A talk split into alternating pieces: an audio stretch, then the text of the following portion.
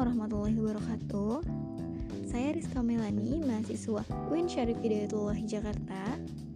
Di sini saya akan menjelaskan tentang tipe-tipe penelitian dalam metodologi penelitian kualitatif.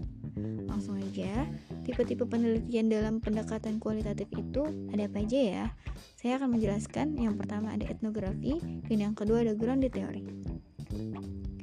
Apa sih uh, apa sih yang pertama tadi yang etnografi?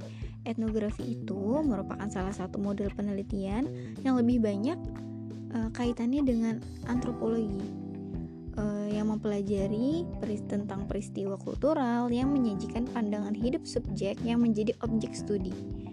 Lebih jauhnya tentang etnografi, etnografi ini telah dikembangkan menjadi salah satu model penelitian ilmu-ilmu sosial yang menggunakan landasan filsafat fenomenologi. Etnografi ini hmm, bukan deskripsi kehidupan masyarakat kita dalam beragam situasinya, sebagaimana adanya dalam kehidupan kesehariannya, cara mereka memandang kehidupan, perilakunya, dan semacamnya. Akan tetapi, studi etnografi ini uh, merupakan salah satu deskripsi tentang cara mereka berpikir, cara mereka hidup, dan cara mereka berperilaku. Selanjutnya, apa aja sih uh, jenis-jenis penelitian kualitatif etnografi ini? Yang pertama ada etnografi realistis. Menurut Oraswell, ada tiga. Yang pertama etnografi realistis, yang kedua ada studi kasus, dan yang ketiga ada etnografi kritis.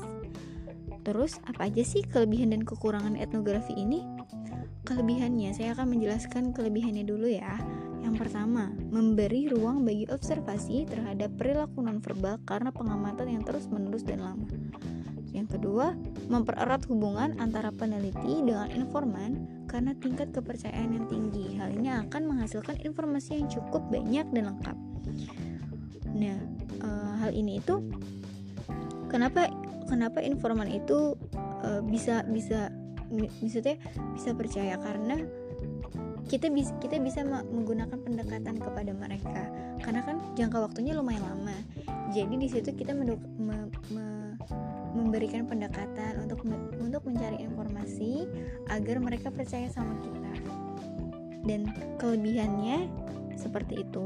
Kalau kelemahannya itu yang pertama ada ukuran jangkauan wilayah yang tidak terlalu luas. Jadi hanya beberapa wilayah atau hanya ruang lingkup suatu daerah atau satu satu wilayah atau satu lingkungan. Terus yang kedua dia memerlukan banyak waktu di lapangan. Seperti yang tadi uh, di kelebihan kan jadi mem mem membutuhkan waktu yang cukup lama untuk melakukan observasi ini. Selanjutnya ada grounded theory. Grounded theory ini apa sih? Grounded theory merupakan suatu metode riset yang berupaya untuk mengembangkan teori tersembunyi di balik data di mana data ini dikumpulkan dan dianalisis secara sistematis. Ini menurut uh, Martin dan Turner pada tahun 1986. Jadi uh, sebagai suatu metode ini, grounded theory grounded theory itu menjelaskan hubungan yang dikembangkan dari studi kasus untuk menjelaskan perbedaan yang muncul dalam meng, dalam menghasilkan teori berdasarkan data yang ada. Jadi hmm, perbedaannya, perbedaan dalam teori-teori yang ada. Proses analisis data dalam ground teori itu ada apa aja sih? Uh, prosesnya itu ada tiga. Yang pertama open coding atau biasa disebut dengan pengkodean atau kode-kode. Di mana tahap open coding ini terdapat langkah-langkahnya juga. Langkah-langkahnya itu ada tiga. Yang pertama ada pelabelan fenomena, atau pemberian fenomena. Yang kedua ada penemuan dan penamaan kategori. Yang ketiga ada penyusunan kategori. Yang kedua dalam proses analisis itu ada axial coding. Axial ini tahap kedua setelah open coding. Setelah pengkodean, terus yang ketiga ada selective coding. Selective coding ini tahap terakhir dari uh, proses analisis data grounding.